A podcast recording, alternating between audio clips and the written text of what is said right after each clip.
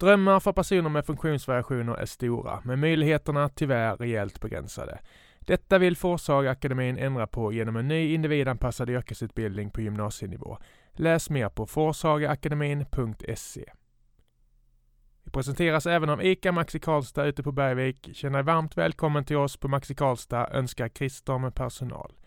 Tack för att ni möjliggör den här podcasten. Nu rullar vi vignetten.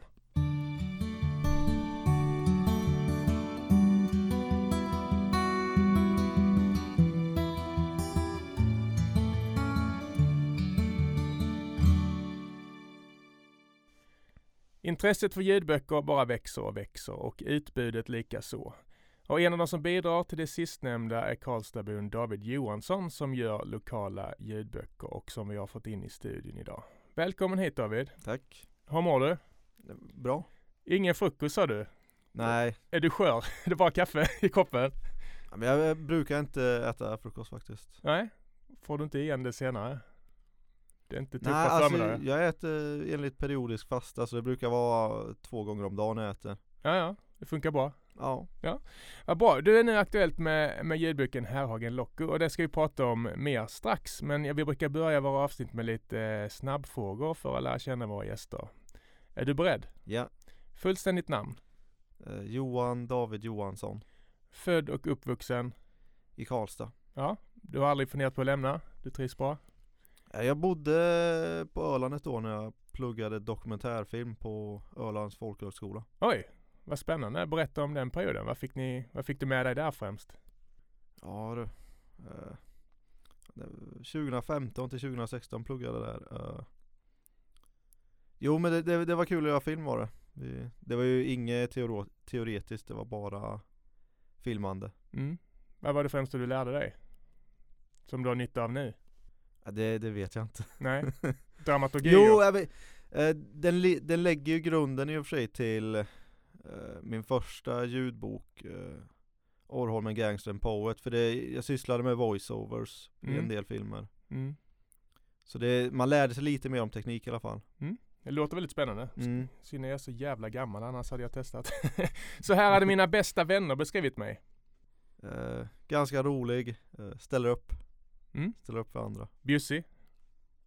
Ja i den mån jag kan Ja. När jag ska briljera i köket så lagar jag vad då?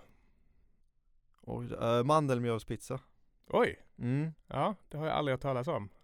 Nej men det, det går ju i min diet att jag äter LCHF Mm. Så det, det är inte så mycket kolhydrater i mandelmjöl Nej, mår man bättre efter? Man vill inte bara lägga sig i soffan och tuppa av en stund efter en sån. Nej nej Skönt, det ska vi ta med oss. Jag önskar att jag hade skrivit Tänker du på någon bok då eller vad? bokmanus eller filmmanus eller annat. Hmm. Nej, det, det, manuset till Farväl Falkenberg kanske? Oj, Jag tror inte de hade någon manus Nej. det var det jag tänkte det, säga. ja, det, det är en av mina favoritfilmer faktiskt. Ja, vad är det som lockar med den speciellt? Alltså det finns ingen film som är som den riktigt liksom. Det, den, är, den är helt unik är den. Om du drar plotten på 10 sekunder, hur hade du, vad handlar den om? Ja, men det handlar om ett gäng ungdomar i Falkenberg. De, de kommer egentligen ingenstans i livet men Alltså det, det, det är det att det inte finns någon handling. Det är mer ögonblicksbilder, mycket poesi liksom. Och, Mm. Mm. Det kommer vi in på snart. Eh, förebild. Vi har gjort en intervju tidigare, en snabb, och du pratade Mm. om, eh, hur uttalar man, Knäfsgård va? Säger vissa besserwissrar. Jag tror det är en, eh, jag tror man säger det på norska. Ja. Men, men Knausgård säger vi då, jag är från Skåne, jag är inte så noga med sånt där. Det är en förebild vet jag. Ja, det är definitivt en förebild. Varför då? Vad har han som gör hans eh, texter speciella? Han har ju fått mycket kritik genom åren. Mm, fast har han inte fått mer eh, ros än ris i alla fall? Jo, det har han ju säkert. Mm. Men eh, det var väl, han hängde väl ut sin exfru mycket och sådär men, men det ska vi inte prata om nu. Men, eh, men vad, vad, vad tycker du gör honom speciell? Ja men det är att han kom med något nytt där. Alltså ett sätt att skriva som jag inte hade läst innan. Visst, det finns folk som har skrivit realistiskt innan men inte i samma utsträckning liksom. Det kanske finns eh, realistiska partier, en bok som kanske är 200 sidor som är väldigt realistiskt skriven Lars Noréns dagbok. jag har inte läst hela den men ah, jag tror han är mer språkintresserad faktiskt. Eller Mm. språkinriktad kanske. Mm. Men Knausgård, det är ju just det att det är så utdraget. Det är ju 4 000, över 4000 sidor är det. Mm. Så det, det bara pågår ju det här. Allt, allt eh, finns med liksom. Det är som livet i stort. Mm. Mm. Och när kom skrivandet in i ditt liv? Eh, när jag var ungefär 18-19. Ja, det var ganska sent ändå. Mm. Var det någon speciell händelse? Det någon lärare som uppmärksammade eller hur, hur kom du på att du, att du tyckte om det att du var duktig på det? Jag tror det var att jag började blogga lite och så bara tyckte jag om det liksom. Det, jag tror det var en flow-känsla som Mm. jag upplevde. Mm. Hur länge bloggade du? Det var bara något år där liksom. Sen blev det mer och mer eh, texter och eh, som blev dikter till slut liksom. Mm. Poesi. Mm. Vad lyssnar du helst på? Chris Ria. Chris Vea? Ja, Pet Shop Boys också. Ganska mycket Leonard Cohen och eh, en del hiphop också. Ja, det var en väldig mm, Ja, palett det- så. Ja. Leonard Cohen och hiphop, det, ja, det har väl vissa, vissa likheter. Eh, och vad det gäller poddar, är det, no, är det något du lyssnar på? Du hörde av dig till oss, vilket var väldigt Mm, roligt. mm. Vilk, vad lyssnar du på för, för poddar annars?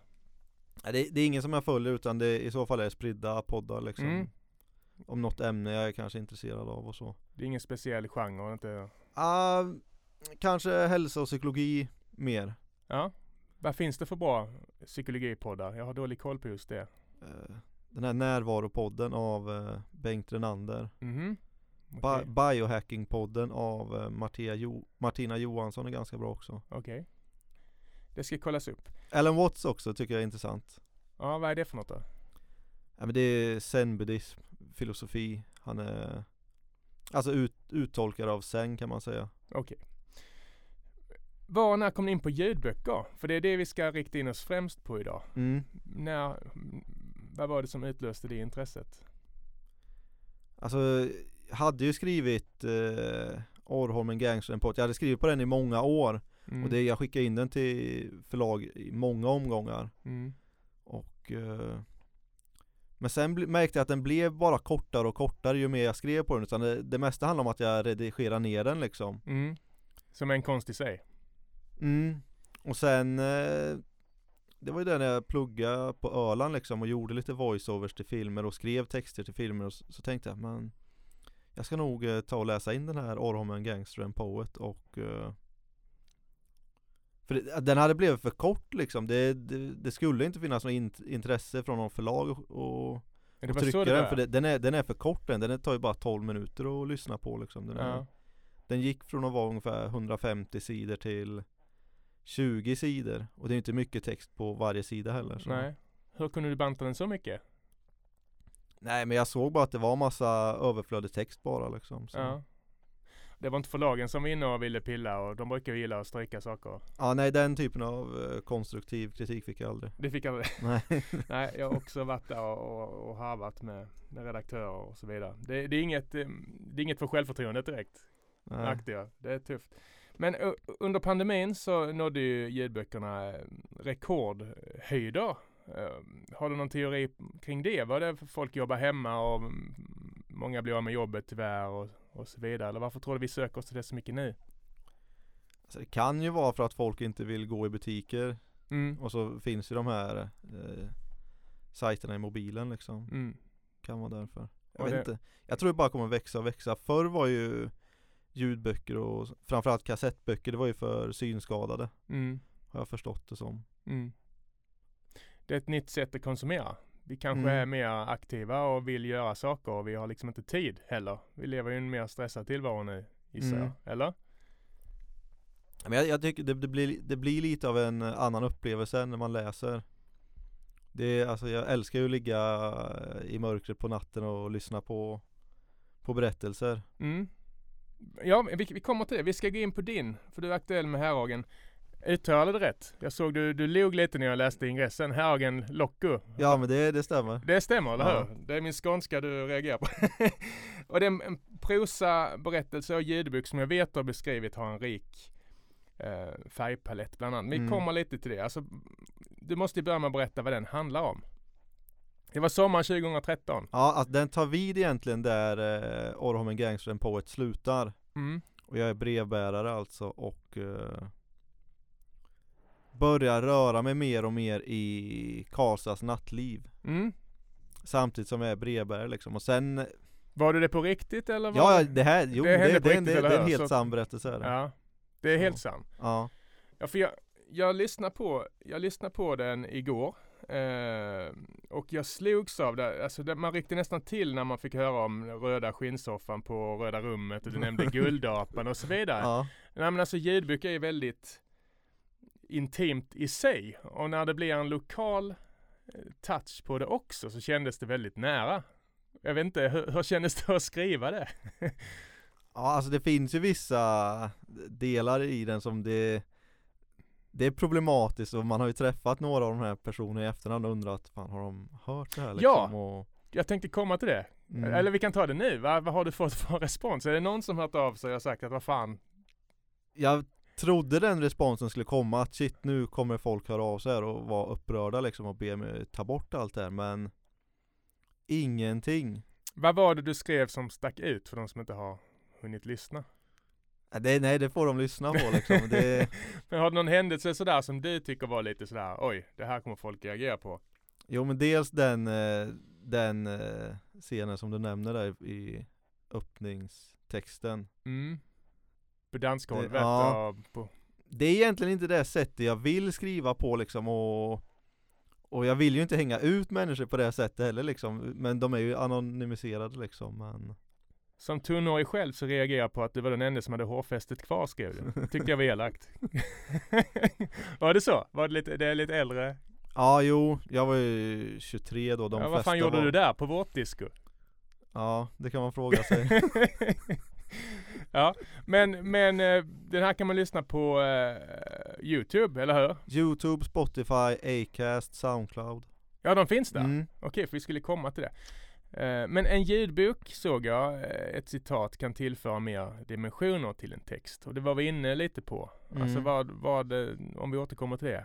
Berätta om det citatet. Alltså vad? Det, För många vill ju hävda Mm. att boken, eh, att man själv kan leva sig in i en ny värld och det kan skapa starkare upplevelser. mm. Med ljudbok får, får du också dimension av att det är en som läser också Ibland, det, det kan ju förstöra en hel ljudbok om det är en dålig uppläsare Mm. Men det kan också förstärka om det är en väldigt bra uppläsare och eh, ja, men jag vet det är någonting man lägger sig ner och så det är i ett mörkt rum och så bara lyssna på det som som sker liksom. Det måste vara mörkt. Du är inte sån som går ut med, med hunden i dagsljus och motionerar samtidigt som du tar dig an Dostojevskij. Ka- kanske om det är mer informativ text men inte om det är alltså skönlitteratur. Nej. Är vi för dåliga på det? På att liksom skapa tillfället? Alltså slafskonsumerar ni? Vi. Jag lyssnar ju mycket på poddar när jag ska sova. Och det är ju fruktansvärt elakt egentligen. Jag kan lyssna på en fotbollspodd eller crime-podd till och med och somna som en stock efter tio minuter. Det, det, känns Mm. nästan eh, hånfullt mot de som har lagt ner sig i det här. Hur tycker du vi ska konsumera? Borde vi vara mer eh, eh, värdiga mot, mot skaparna? Alltså rent generellt kan man ju undvika att göra två saker samtidigt, två eller fler saker samtidigt utan göra det man gör liksom. Du har Eh, inte små barn, Nej. hör jag. ja, jag förstår vad du menar. Mm. Det är en fin tanke men i mitt, mitt liv går det inte ihop till exempel. Men det kan, för att kunna njuta till fullo så eh, är det säkert den rätta vägen. Mm. Ja, där får jag bakläxa på den. Men, men beskriv din kreativa process, för jag antar att du först lägger ner, du var inne på det själv med din debut, att du, du lägger ner en stor tid på, på att skriva det först, eller hur? Det är ju det är några steg på vägen. Alltså, hur, först får du en idé, eller? Hur, hur går din kreativa process till? Ja, eh, just eh, uh, Orrholmen Gangster på, den tog ju sju år från att jag började skriva på den till att den var en färdig ljudbok. Och då första åren, då skrev jag ju väldigt mycket. Eh, samlade ihop jättemycket text till det och sen var det att jag bara skala ner den och skala av liksom. Så Mm. eh, Man kan säga att jag lärde mig skriva under de åren. Innan dess skrev jag ganska dåligt. Jag har insett nu i efterhand men Så Herragen Locko, det, det var ganska smärtfritt att skriva den. Jag, skrev, jag, jag, jag hade egentligen inte tänkt att skriva den men jag insåg att när, jag- när jag såg att jag hade ungefär 20 anteckningar om den sommaren liksom tänkte jag Mm. det, här, det här kan ju bli någonting och då skrev jag ungefär hälften av dem eh, hösten 2018 och andra hälften på våren 2019. Mm. Det låter som en lång process. Sju år ändå. På, för Ormen Gangstern Ja, på precis. ja. Men och så- sen så, det var där du lärde dig hantverket eller? Mm, det kan man säga. Ja.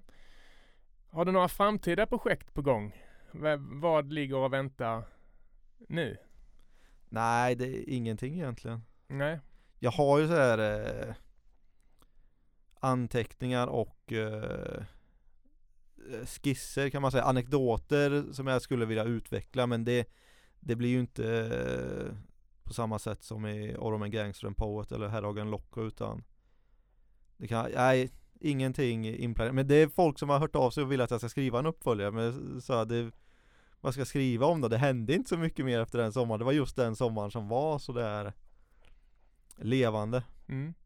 Och, och du vill ha det liksom, vad heter det, autofiktion eller vad heter det? Men du vill ha liksom, du, du kan inte sitta och skriva skönlitterärt så eller du vill gärna ha varit med om det eller? Det ska ha varit självupplevt helst. Ja, jag tror det.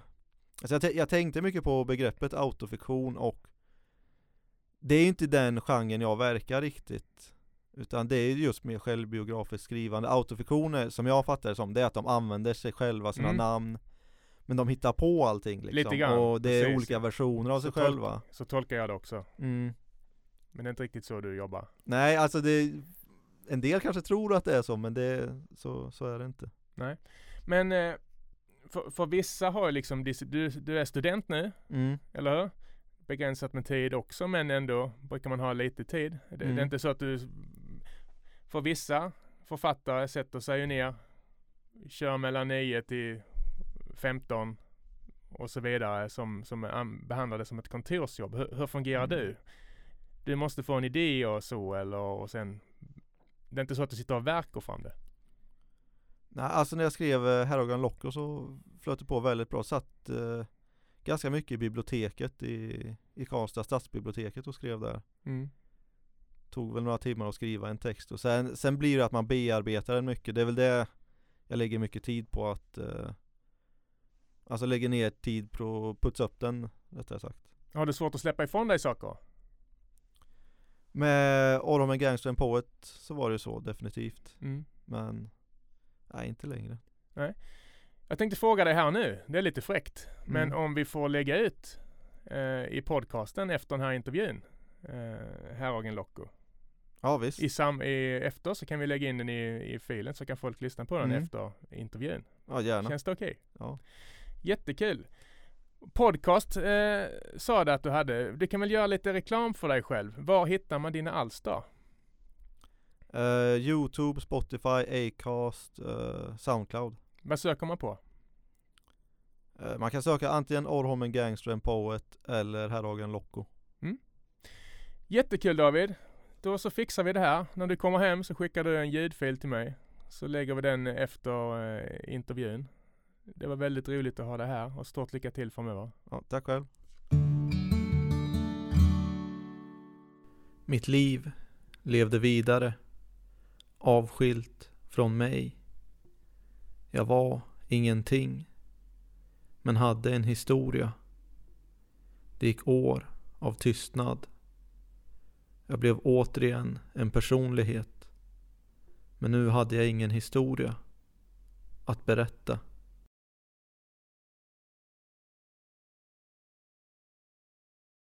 En gång i halvåret hade vi personalfest på Scandic Saravin. Vi åt italiensk köttbuffé och fick två valfria drycker. Efteråt var vi några som drog vidare till Röda rummet. En undanskymd nattklubb för 30 plus. Det beställdes in shots. Jag och M hamnade i en röd skinnsoffa i en avskärmad del av nattklubben. Det blev lite fnittrigt och personligt. Hon tog fram en digital kamera från en handväska som inte tillhörde henne och halade fram sina små mjölkfyllda bröst ur den svarta klänningen. Hon bad mig att fotografera, men jag bara skrattade. En stund senare dansade jag och Elle på det klinkerskaklade dansgolvet. När hon plötsligt tog en snubbes öl från ett bord och svepte. Hans sällskap ville att jag skulle betala för ölen, vilket jag gick med på.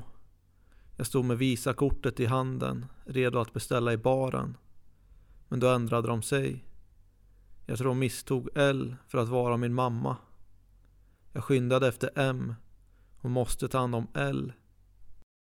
Hon stod utanför Guldapan och rökte med C. Hon tog min hand i sin och jag darrade till. Efter att de lämnat nattklubben hamnade jag på dansgolvet igen. C stod lutad mot en vägg med skummögd blick. En tjej på kanske 30 år med mörk långt hår och rosa läppstift. Blinkade med ena ögat. Jag log och berömde hennes rosa högklackade skor. Åh, tack. Men det blev inte så mycket mer sagt. Jag såg mig omkring och konstaterade att jag är den enda av männen, förutom C, som har hårfästet kvar. Jag gjorde ytterligare ett raggningsförsök, men det var lönlöst.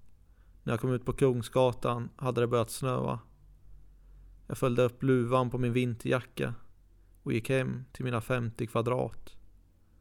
Det var natten till den 12 april.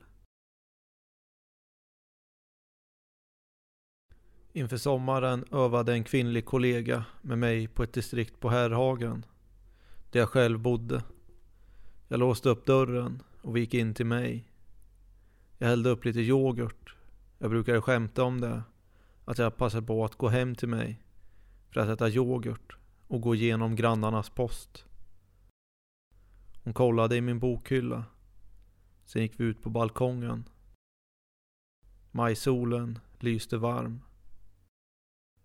Senare på kvällen satt vi på varsin lastvagn och väntade på den sista lastbilen. Vi pratade om musik, resor och tatueringar. Hennes kille hade flera. Och hon funderade på att göra en, en stor, över ryggen.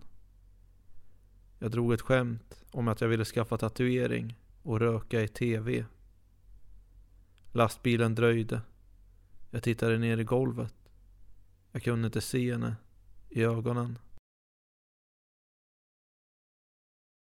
En fredags eftermiddag i lunchrummet sa jag till en äldre kollega att han kunde komma förbi på grillfest senare på kvällen. Han kände min syster och hennes pojkvän som också hade jobbat på posten. Och så bodde han ju på Orrholmen. När grillkolen svalnat och vi dukat av dök han upp. Vi fick liksom omringa honom Grannarna gick ut på sina balkonger och undrade vem den hese och hetsige mannen i 50-årsåldern var. Han ville se min morsa som hunnit upp i lägenheten. Hur ser hon ut? Är hon snygg? Min pappa var fortfarande kvar i Mosambik och jobbade. Vi kom överens om att vi skulle gå hem till min kollega, men först skulle vi lämna min syster och hennes pojkväns hund i deras lägenhet i de nybyggda hyresrätterna på Tullholmen, ett kvarter bort.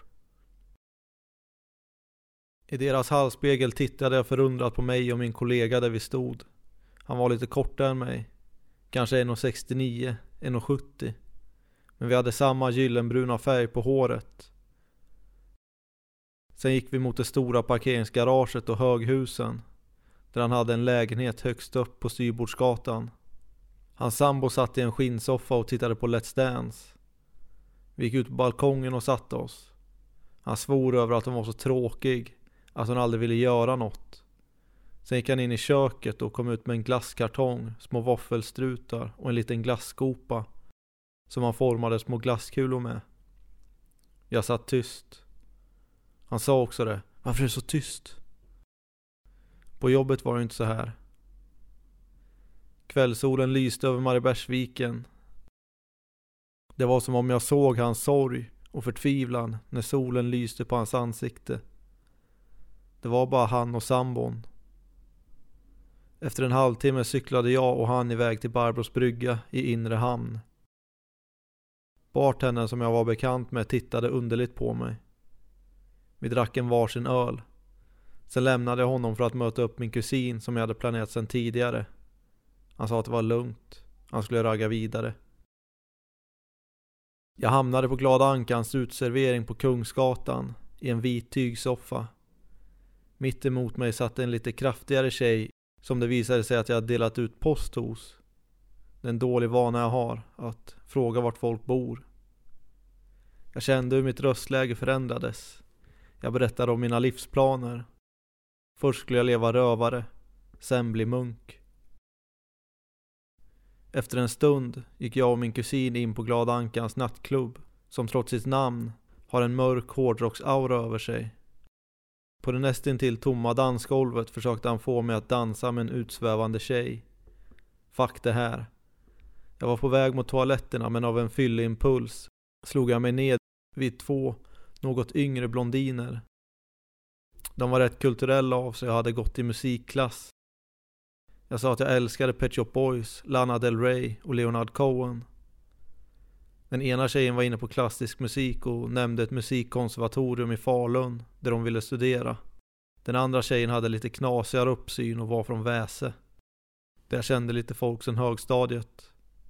Vi satt kvar till stängning. När vi kom ut från nattklubben bröt ett slagsmål ut på gatan, bara några meter ifrån oss. Tjejerna sökte sig mot mig. Äh, det här var väl ingenting, sa jag. Sånt här händer ju ofta. Va? Gör det? Ja, ja. Kommunens nattvandrare delade ut godisklubbor längs Kungsgatan. Jag satt på en pakethållare genom centrum, förbi köerna till taxistånden och de nattöppna snabb snabbmatsrestaurangerna. När vi närmade oss Haga insåg jag att jag hade min cykel kvar i stan, så vi vände och hämtade den och cyklade tillbaka till Haga. De skulle vidare mot Norrstrand. De skulle upp tidigt nästa morgon. Jag gjorde ett sista försök. Kan vi inte dra och bada? De såg lite tveksamma ut. Vi kanske ses i sommar. Jag tog upp telefonen och ringde min kusin. Han stod i backen vid Swedbank nedanför domkyrkan, några hundra meter bort. Jag cyklade dit. Han stod där med sina halvkriminella kompisar. De snackade om efterfest. Någon försökte få tag i pulver. Jag satte mig på trottoarkanten och avlyssnade ett sårigt fyllegräl med förvånansvärt djupa insikter. Sen cyklade jag hem. Ett par dagar senare fick jag höra att min kusin, sju på morgonen och klädd i bara kalsonger, cyklat till McDonalds på Nobelplan och beställt mat i deras drive-in. Samtidigt som mina två obetalda semesterveckor inföll fick jag tag i en biljett till Pet Shop Boys spelning i Köpenhamn. En solig torsdagsförmiddag tog jag mina föräldrars röda Volkswagen Polo och körde ner till Göteborg. Jag fick rum på ett vandrarhem i utkanten av staden. Det bodde några gymnasieklasser där samtidigt. Det fanns en pizzeria i närheten, ett industriområde och en åker. Om nätterna kände jag ett främlingskap röra sig som en blå skugga över mitt ansikte. Det var ingen ny känsla. Sista natten sov jag hos min farbror och faster i Mölnlycke och morgonen efter körde jag med lätt panikångest till Malmö. Det regnade och blåste på vägarna. Men solen sken fram när tåget sköt ut över Öresundsbron och man såg bara blått hav och en och annan segelbåt genom fönsterrutorna. Jag tänkte på barndomens bilsemestrar. Det var på 90-talet, när bron fortfarande byggdes. Och vi tog färjan över.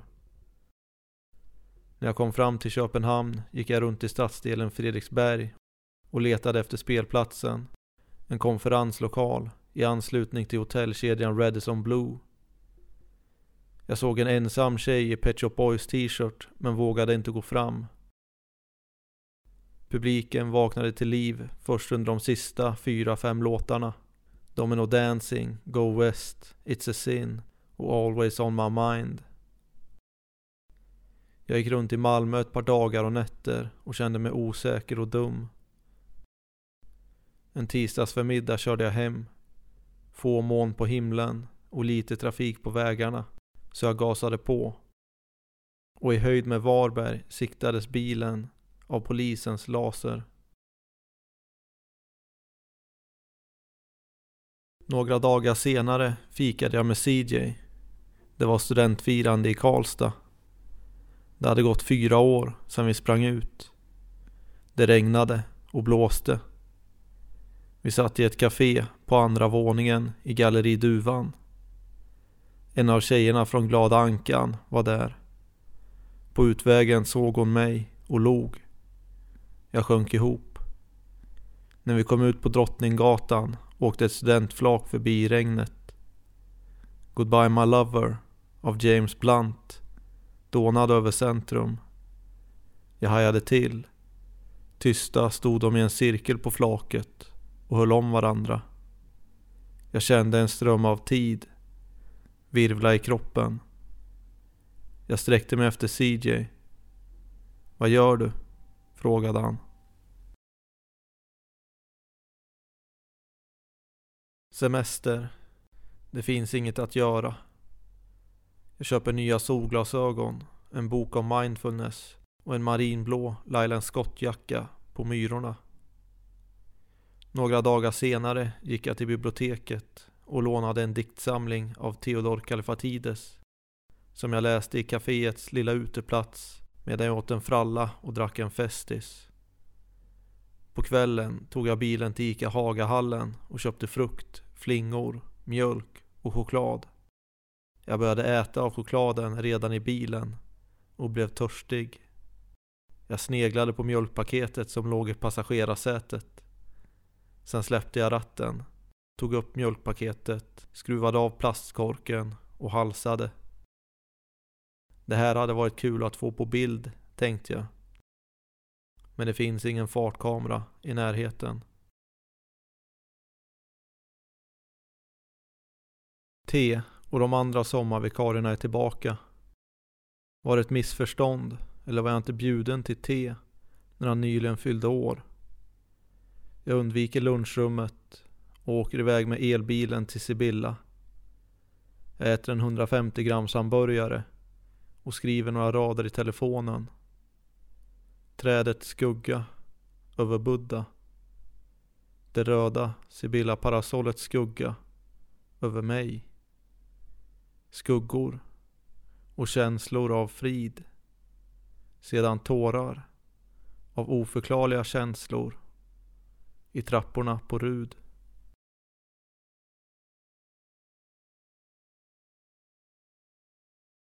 Efter flera år i andra städer och världsdelar var grabbarna hemma över sommaren. Putte i parken. Det var min första festival. Jag löste ett armband för fredag och lördag. Jag, Affe och en tjejkompis till honom satt i Värnbergsparken i viken och drack öl. Det började bli kväll. Förväntningarna fyllde gräsmattan. Jag sa att jag ville resa ut i världen att det var min tur nu. Men beskrev vad som hindrade mig. Efter ett par dagars umgänge med nya bekantskaper skulle man undra vad det var för fel på mig, sa jag och skrattade. Efter att Skoter avslutat lördagsnatten strömmade folket ut från Mariebergsskogen och den stora parkeringen. Jag imiterade en sentida Leonard Cohen till leda. Efter två dagars festande med cigaretter, dålig sömn och sprit lät det faktiskt rätt likt. Vi gick hem till Affe och Hasse som hade en gemensam lägenhet i stan. Men det var dålig stämning dem emellan. T var också med. Jag skrev med Ingela från posten som var över 60 men älskade skoter. Hon hade också varit i Mariebergsskogen. Ville hon komma hit? Nej, det frågade jag inte. Vid halv två tog jag min mintuflaska och gick. När jag böjde mig ner för att låsa cykeln utanför McDonalds märkte jag att en tjej som satt vid fönstret stirrade på mig. Jag mötte hennes blick. Jag blev lite oförstående. Men vi slutade inte titta på varandra. Sen slog det mig. Är det inte hon? Jag gick in och beställde och när jag skulle fylla upp ketchup fick jag lite problem. Jag hade inga händer fria och visste inte vart jag skulle ställa brickan.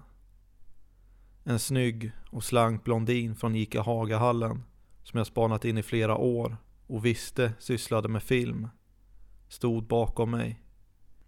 Hon såg mitt bekymmer. Hon sa att hon kunde hjälpa mig. Det blev lite lustigt. Men när hon fyllt upp ketchupen åt mig sa jag bara tack, vände på klacken och gick. Jag satte mig vid långbordet i fönstret, några meter från henne. Vi hade börjat samtidigt på posten i slutet av april för ett par år sedan. Under sommaren försökte jag skriva en dikt om henne. Jag tror inte ens vi hade pratat med varandra då. Men till min förvåning blev vi båda kvar under hösten. Några gånger delade vi ut reklam tillsammans. Bara jag och hon i en gul postbil med tusen reklamblad. Jag minns när vi stod i hissen på Babordsgatan på Orrholmen. Jag såg mig själv i spegeln och sa att jag borde klippa mig. Jag ser ut som han MacGyver. Hon tyckte att jag passade i det. Då tystnade jag.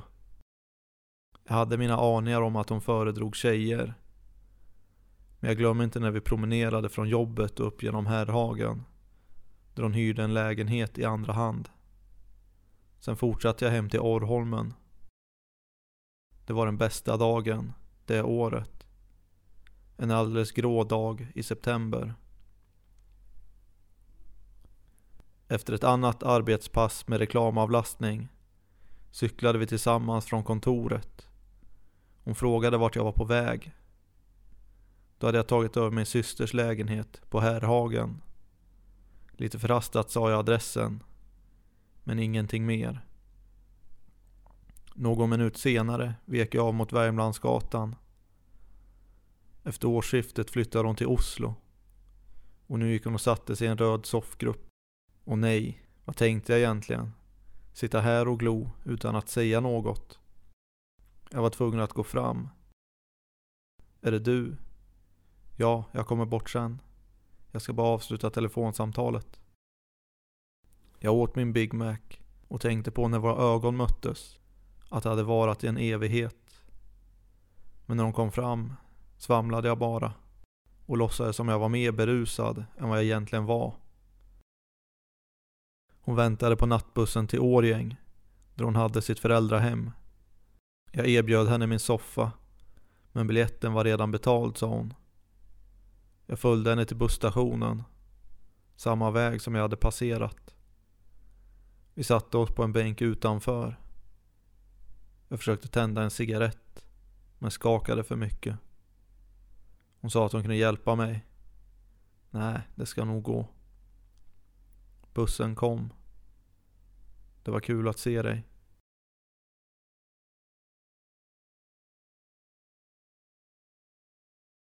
Det går inte längre. Jag pratar med en kurator på vårdcentralen. Jag var här för två år sedan. Då fick jag träffa en läkare. En äldre herre. Jag minns att jag stirrade på hans fingrar. De var tjocka som grillkorvar. Det är svårt det här. Jag är öppen om det mesta. Men lägger också ut dimridåer. Vilket hon märker.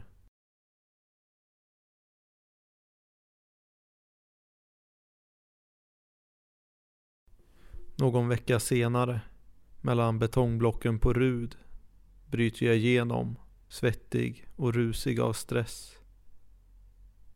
Poesi är något som uppstår på samma sätt som komik är något som uppstår.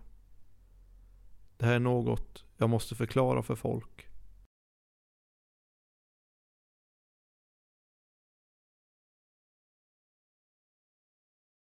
Gyllene Tider uppträder i Marbergsskogen. Mina föräldrar grillar som vanligt. Man hör musiken ända hit. Jag skriver med lite folk. Jag vill ut. Jag går upp till min kusin och lägger mig utsträckt i hans säng. Han sitter framför datorn och drar rövarhistorier. Fast att han är två år yngre har han så mycket mer att berätta. Så jag ligger tyst och lyssnar. Min favoritrövarhistoria är den när han tog sin mammas ordningsvaktskläder inklusive handbojorna och batongen och gick ut här på Orrholmen med en polare. Påtagligt berusade. Längst ut på udden satt en grupp ungdomar som de närmade sig. Varpå min kusin handfängslade en kille på måfå. Som givetvis protesterade och inte kunde förstå varför det här hände honom. Vad hade han gjort för fel? Någon anade oråd och ringde polisen som kom omgående. Men min kusin tänkte inte ge sig i första taget. Två poliser jagade honom längs udden innan han hoppade ut i älven med kläderna på och simmade mot Hammarö. En sträcka på ungefär 100 meter i virvlande strömt vatten. Poliserna stod kvar på land och ropade efter honom. De hade inget annat val än att vända och köra ut från Orrholmen. Passera ett par korsningar innan de kom ut på Hammaröleden. Och strax därefter kunde svänga in på en rastplats med turistinformation. De släppte ut en schäfer efter honom. Men han förblev oupptäckt i dungen. Efter en halvtimme började han gå längs Hammaröleden i kvällssolen. Några hundra meter ifrån brofästet stannade en polisbil. Och han gav upp. Efter förhöret då han släppts på fri fot drog han till Göteborg. Hans föräldrar var på semester i Turkiet och fick inte reda på något förrän de kommit hem och upptäckte att ordningsvaktskläderna var borta. Jag får tag i Jocke som är nykter. Vi drar till inre hamn. Där stöter jag på Zäta, Ludde och Barney. Eller Johan som han heter. De är på väg in till stan. Så jag hakar på dem medan Jocke blir kvar i hamnen. Vi går till Koriander och dansar på takterrassen. Månen skymtar genom takspringorna. Vi dricker shots och catchar upp. Sen mötte jag och Zäta upp en norsk Paradise Hotel-deltagare. Vi skulle köpa mat. När vi gick in på Day and Night råkade jag ta med cigaretten in. Jag stod en stund och tittade på den ringlande kön medan jag rökte. Sen blev jag utskälld av en tjej. Men hennes väninna tyckte det var kul. Vi åt våra kycklingrullar gåendes genom city. När vi kommit upp från järnvägstunneln i viken tog jag ett jättehopp på typ fyra meter. Zäta och Paradise Hotel-killen blev imponerade. Så jag gjorde ett till. Men landade fel med ena foten. Deras flickvänner väntade i en lägenhet i viken. Det blev efterfest på en balkong. Vi rökte cigaretter, drack folköl och sniffade poppers. Jag var sådär avvägt cool. Sen haltade jag hem i soluppgången. I den något kyliga sommarvinden.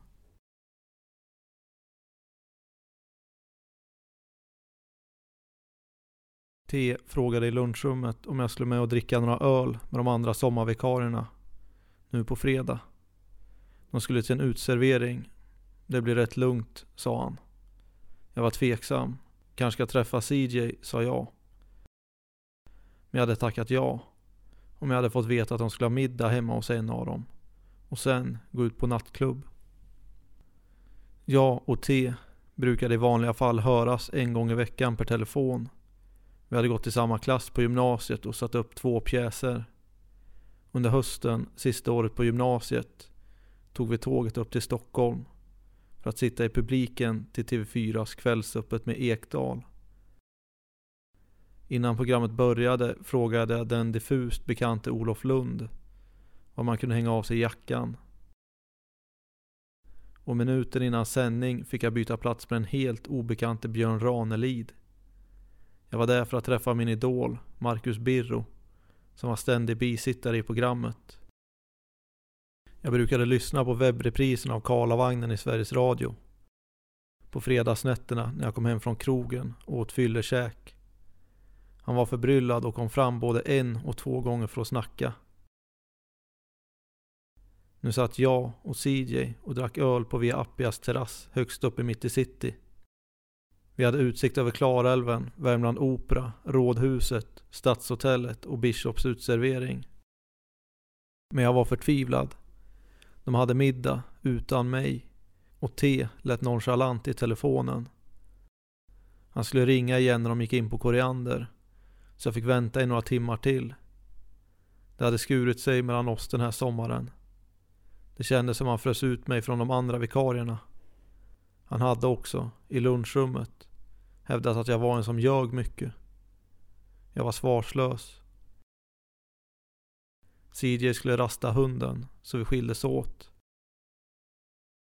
Jag gick mot Orrholmen och mötte upp min kusin på Tullhusgatan. Vi fortsatte längst ut mot udden och träffade Nordström. Ett gäng 18-19-åringar som jag spelat fotboll med som barn rökte hash vid en grillplats vid älven. Efter någon timmes ofrivilligt häng på Orrholmen fick jag tag i Jocke. Hans morsa bor här i krokarna. Han har spelat fotbollsmatch och får låna hennes Peugeot 307 med sportsäten. Så vi slapp gå in till stan. Min kusin Nordström och Daniel följde med. Vi hamnade på Tables, gamla biljardnian. Där satt ett par av mina kvinnliga kollegor. Bland annat LC, som jag hade varit förälskad i. Eller fortfarande var förälskad i. Jag hade till och med frågat om hon ville se film. Trots att hon har en tatuerad pojkvän. Men det har gått ett par månader nu. Och rodnaden från skammen har lagt sig. Dessutom har jag fått upp ögonen för E. Som råkar vara hennes bästa vän och vars pojkvän också jobbar på posten. Jag har gjort fruktansvärda saker. Som att gejsa henne rätt i ögonen när vi suttit vid lunchbordet alla tre. Jag reste mig upp från soffgruppen och bordet med alla flaskorna och glasen inne på tables. Och framförde en äkta moonwalk. Sen sparkade jag i luften, gjorde ljudeffekter och avslutade med två Elvis-juck. Lite senare sa jag till LC, min förälskelse, eller vad det nu var. Hon verkade ändå så olycklig med sin pojkvän. Att T är en jävla fitta. Hon skrattade, men Jocke såg bekymrad ut. När vi gick mot Koriander råkade min kusin skada foten. Jag vet inte hur, men han följde inte med in. Jag träffade några klasskamrater från gymnasiet. Anna och Linda. Jag vet att E är kär i mig. Hon ser så förtvivlad ut när jag flörtar med andra tjejer. Vi har angränsande postdistrikt nu under sommaren. Vi står och sorterar bredvid varandra. Hon trycker ut bröstkorgen och ger mig blickar.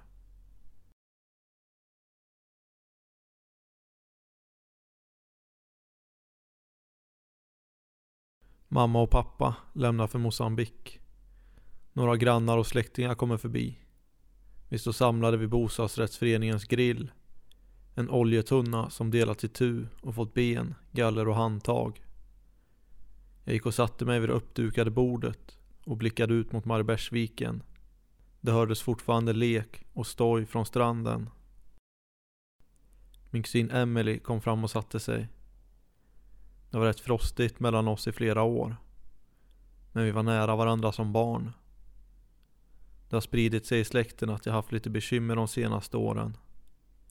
Hon pratade om sina problem när hon gick i skolan. Att det tog fysiska uttryck. Sen sa hon. Jag uppfattar inte dig som bipolär. Jaså? En tjejkompis är det. Hur är hon då? Äh, hon säger massa konstiga saker ibland. Jag försökte förklara att det här är privat. Men att en kurator inte trodde att jag var det. Att det kanske rörde sig om en mildare variant. Cyklotomi. Och sen, apropå ingenting, började de prata om Pridefestivalen. Hur hon åkt dit själv en gång för länge sedan. Utan att känna någon. Men att alla hade varit så välkomnande och trevliga. Att det inte var några som helst problem att hitta folk att umgås med. Insinuerade hon inte att den möjligheten också fanns för mig? Ska du inte åka dit?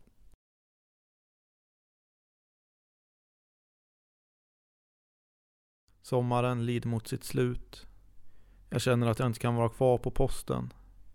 M är också tillbaka från sin mammaledighet.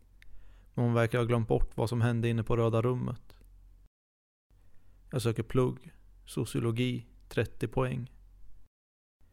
Jag, min kusin, Jocke och Lilläng sitter på mina föräldrars balkong.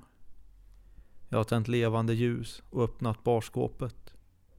Och kaffemaskinen går varm. Sen cyklar vi in till stan i den mörka natten. Två som cyklar och två på pakethållarna. Det här är frihet. Jag ser lite längre fram hur min kusin tjoar och vevar i luften med sina kryckor. Vi passerar KFs stora tegelbyggnad. Sedan Löfbergsskrapan i inre hamn. Och efter viadukten under tågbron är vi i stan. Vi drar till Jaguar. Vi beställer drinkar i baren. Min kusin petar med ena kryckan på en tjejs bakdel. Jag och Lilläng står bredvid och tittar på. Han gör det igen. Men nu vänder hon sig om och ler generat. Det är så mycket jag inte förstår. Vi hamnade vid ett långbord med lite vänner till Jocke. Han känner rätt många i den här stan. Lilläng drog sin livshistoria för min kusin tre gånger på en timme. Jag ser henne sitta vid långbordet bredvid. Jag går fram. Du ser uttråkad ut. Vill du dansa? Hon nickar. Vi går upp på dansgolvet och tar av oss skorna. Jag vet inte varför. Men vi dansar och håller om varandra. Hon försöker kyssa mig. Vi känner inte varandra. Men vi lämnar nattklubben och går ut och sätter oss vid fontänen på Stora torget. Och pratar. Lägger till varandra på Facebook. Det visar sig att hon också gick på Mariebergsskolan. Hon är från Väse. Sen gick vi runt lite på stan. Jag tänkte köpa en kycklingrulle på Day and Night. Men ändrade mig när vi kom fram. Vi satte oss på en bänk utanför. Hon i mitt knä. Jag höll om henne. Vid tvåtiden mötte vi upp en av hennes kompisar från Jaguar. Och delade en taxi hem till henne. Kompisen försvann hem till sig. Jag trodde vi skulle sitta uppe och prata. Lyssna på musik. Men hon ville gå till sängs direkt. Hon och hennes kompis skulle rida nästa morgon. Jag klädde av mig och la mig under täcket. Jag hörde hur hon gjorde sig i ordning inne på toaletten. I bara trosor kom hon mot mig.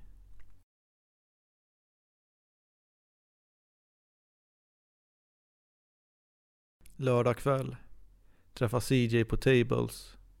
Vi sitter under bar himmel på den avlånga balkongen. Med utsikt över Kungsgatan och Stora torget.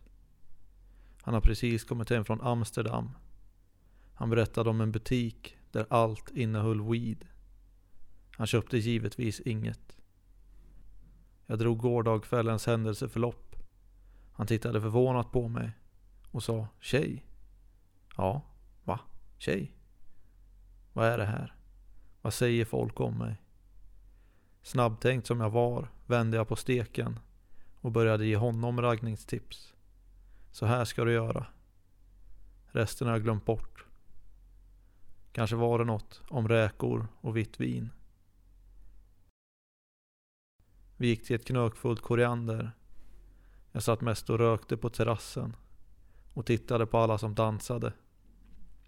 Vi drog strax innan stängning. Vi slog oss ner på en bänk utanför och chillade. Tjejen jag träffade igår ska jag träffa imorgon. Vi började prata med några tjejer som satte sig på bänken bredvid. Jag hade sett dem där inne. De verkade intresserade så vi bjöd med dem på efterfest. CJ har en lägenhet mitt i stan. Så det är bara några hundra meter att gå.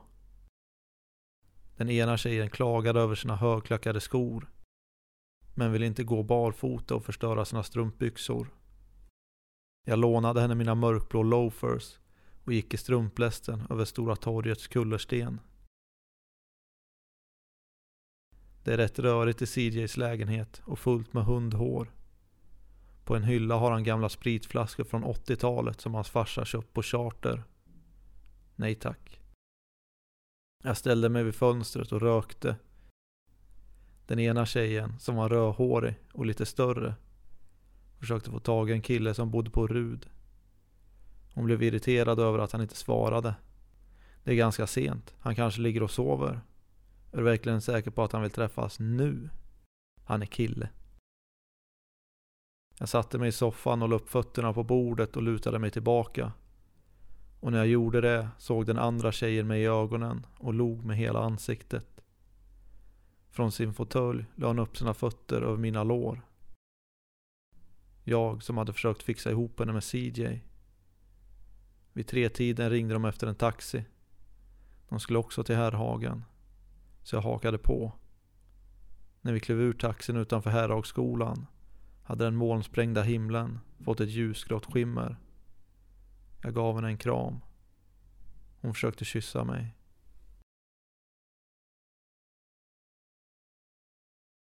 Söndag eftermiddag. Jag åker iväg i mamma och pappas bil och tänder en cigarett. Och man åker med rutorna nere och det är varmt och solen ligger på försvinner röklukten ganska fort.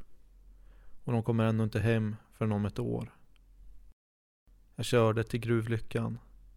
Tidigare under dagen försökte hon få mig att komma till Skutberget för att sola. Men jag var lite bakis. Vi låg i hennes soffa och tittade på The Place Beyond the Pines. Jag hade svårt att fokusera på filmen. Sen gick vi och la oss i sängen. Hon tog länge på min kropp. Kände och smekte. Vilket jag påpekade med glädje. Hon sa att de flesta killarna som hon hade träffat hade varit lite överviktiga. Så nu passade hon på. Jag sa att hon fick känna hur mycket hon ville. Och som den romantikern jag var efteråt tog jag bilen till Statoilmacken i närheten och köpte ett nytt paket cigaretter.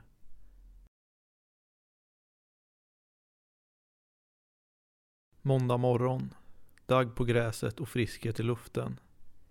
Det är en ny känsla att köra den här vägen. Med rusningstrafiken på E18 alldeles intill. Jag var tvungen att köra hem och byta om till arbetskläder. När jag stod och sorterade post insåg jag att jag hade glömt mina hörlurar hos henne. Vid tio tiden mötte jag upp henne på premacken. Hon var på väg till sitt jobb. Efter lunchen har jag lastat postbilen i garaget satte jag på mig mina solglasögon. När jag kommit ut i trafiken hissade jag ned ena fönsterrutan och tände en cigg. Jag lyssnade på Outcasts 80 Aliens från 96. Och var det inte nu jag fick höra att jag såg stilig ut av en tant på Ruds ålderdomshem.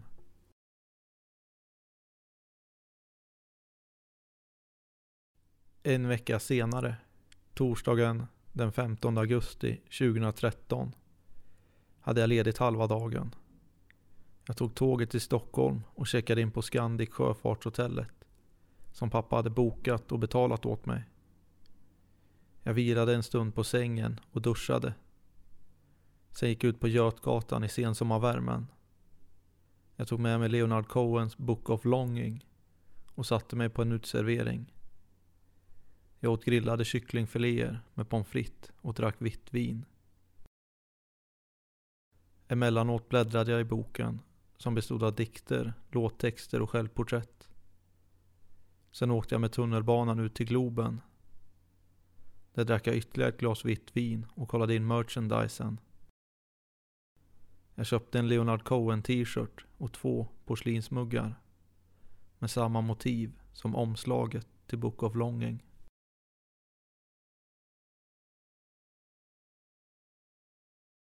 Varför slutar en berättelse?